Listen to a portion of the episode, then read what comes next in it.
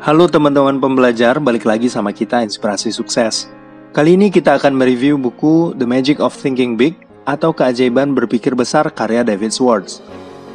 Ide besar yang pertama adalah berpikir besar. Salah satu teman saya waktu sekolah pernah bercerita tentang harapannya di masa depan mendapatkan pekerjaan yang layak. Bukan pekerjaan yang baik, hanya pekerjaan yang layak. Cukup aja, nggak kurang. Itu adalah rencana terbesar untuk hidupnya, menemukan pekerjaan yang layak.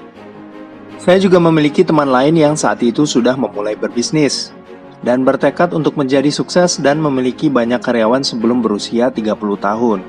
Dan ia saat ini memang bisa dikatakan sedang menuju impiannya tadi.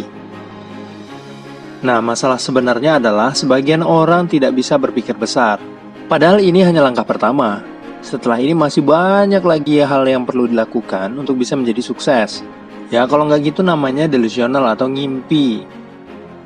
Jika visi terbesar bagi kita adalah menemukan pekerjaan yang layak untuk sekedar mencukupi kebutuhan hidup, kita tidak bisa mengharapkan hal besar untuk terjadi dalam hidup kita.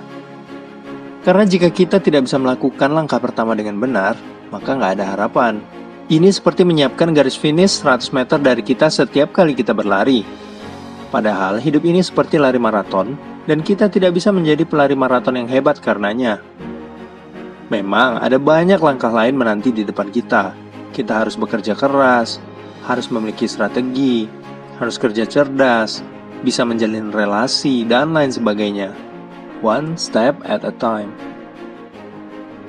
Ide besar yang kedua adalah hargai dan percayalah pada diri kita.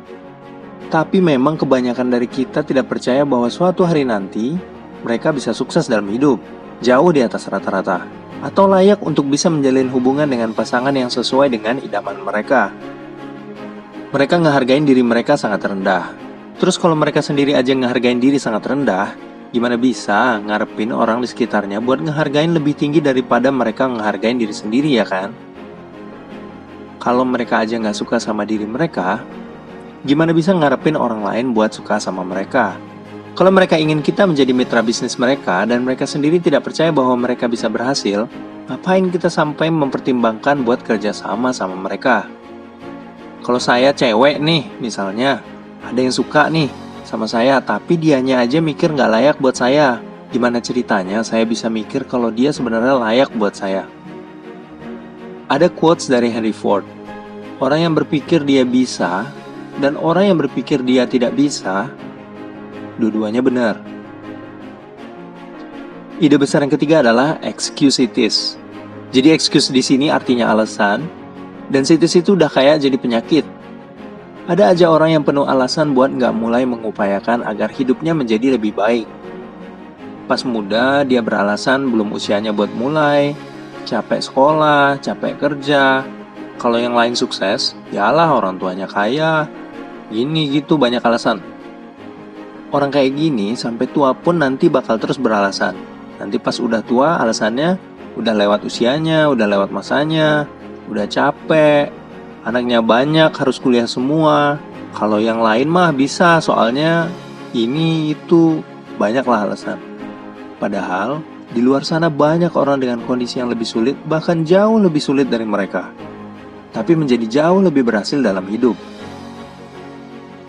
Jadi buku The Magic of Thinking Big ini sangat bagus dan saya rekomendasikan buat teman-teman baca ya. Kalau kata ayah saya, waktu saya dulu sekolah, bercita-citalah setinggi bintang. Kalau dapatnya setinggi bulan, kan lumayan.